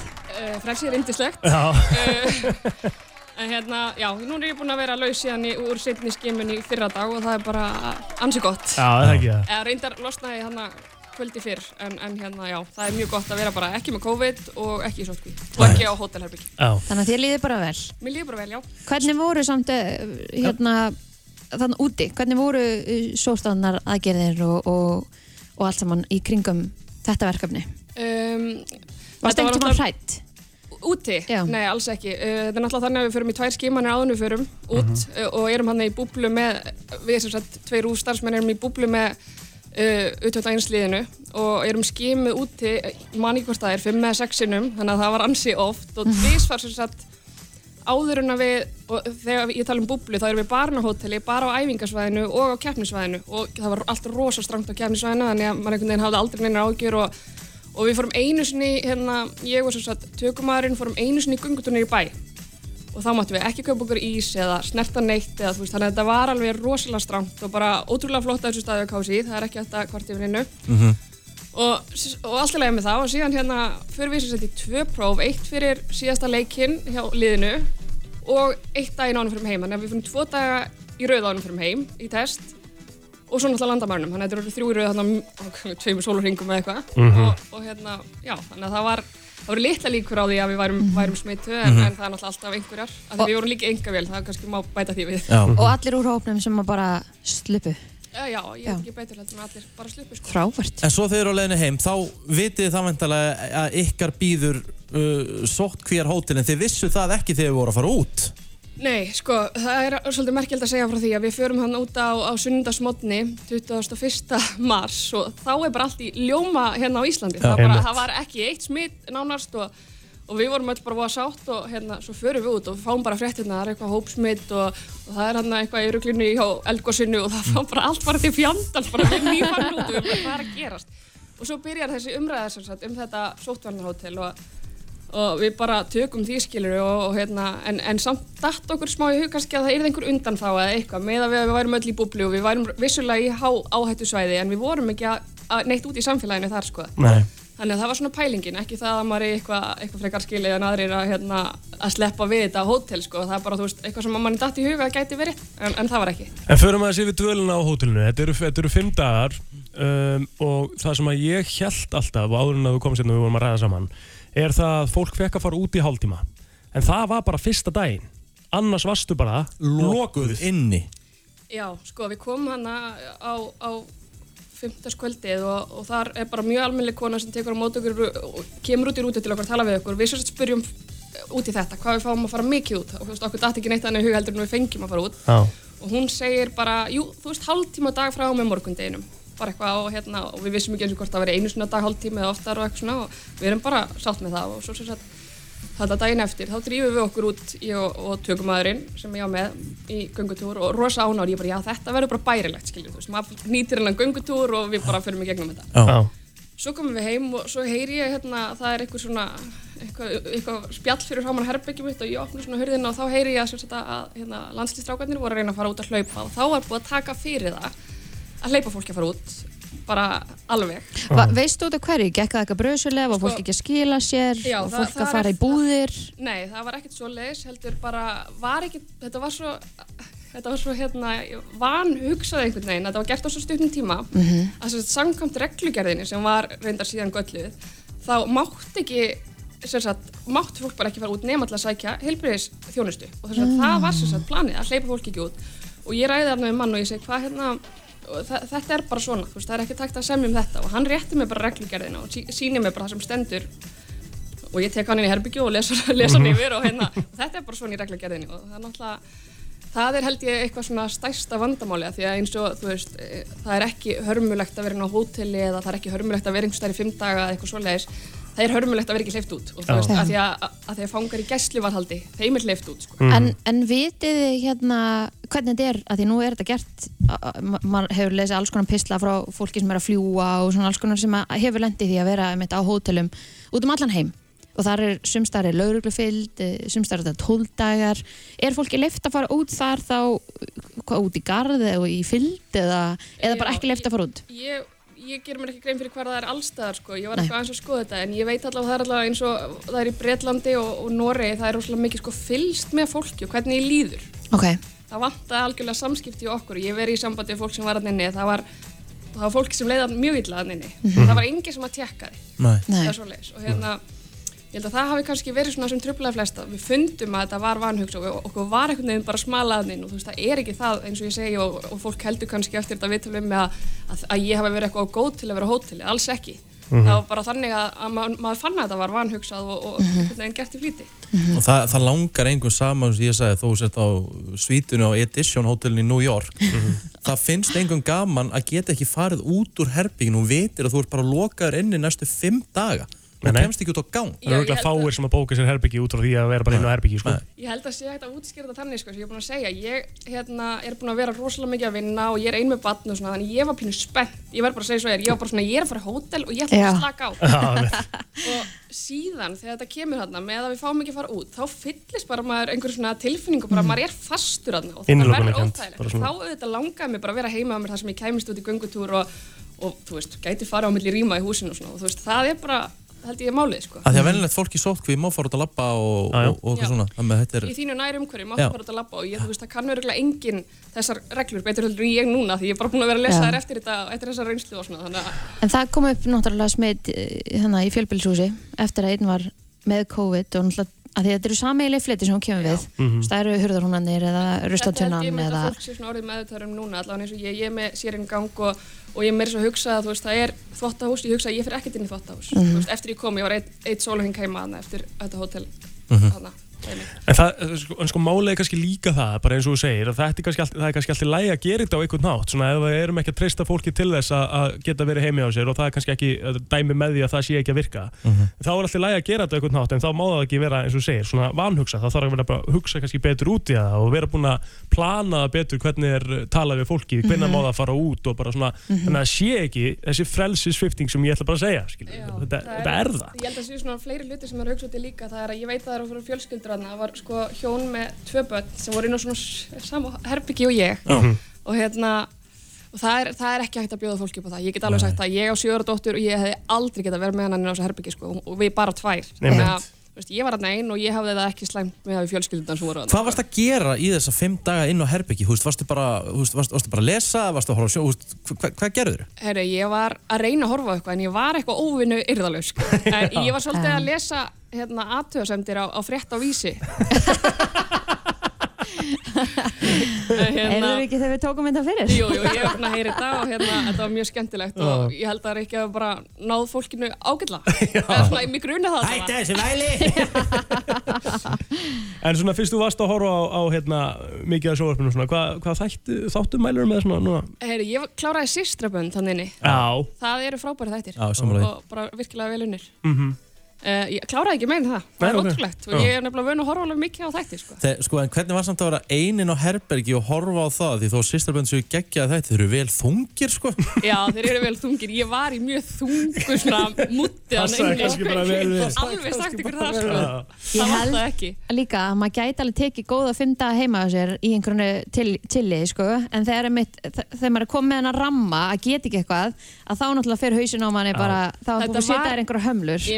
að að á að að- þú veist, ég er að reyna að útskýra þetta fyrir fólki og eins og ég sagði við, þú veist, ég var að tala um fóreldra mína og vinkonum mína og svona, ég sagði, þú veist, það er svo erfitt að útskýra þetta, af því að ég held þetta er þið næs, en þetta Mhm. var bara ekki næs, þetta var einhver innlokunarkend og, en þú veist, auðvitað getur maður látið sér hafa það, það er ekki þannig, þú veist, og ég hef alveg látið mig hafa það. En hefur verið eitthvað haft samband við ykkur bara upp á kannski útfæslur eða einmitt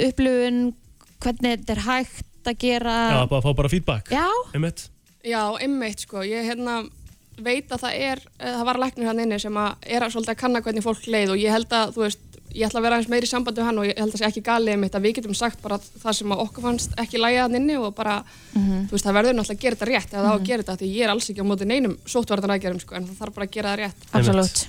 Hérna, áður en við sleppur, uh, sko, nú eru svo margir búin að gista þessu, þetta er, nú mjög, þetta er mjög flott hótel, by the way, sem þú voru að gista á. Fínt. En bara upplunum fyrir fólk að vera lokað inni þarna, myndu, myndu bóka þær herbergi hann aftur? Ég, ég held ég get alveg sagt að ég sé ekki að fara að bóka mér herbyggja hann sko. ég er alveg komið með nóg að þessu hóteli sko. en, en ég mun alveg fara hótel í framtíðinni ég er ekki, ég er ekki scared for life sko. Nei, nei. Geta að finna hótel með sölum eða eitthvað? Ég- ég- það er bara gegn pæling sko. Já. Eva Benditsdóttir, íþróttafréttakonu á RÚF, gott og sett komin prísvöndinni, kæra þakki fyrir komina. Takk hérlega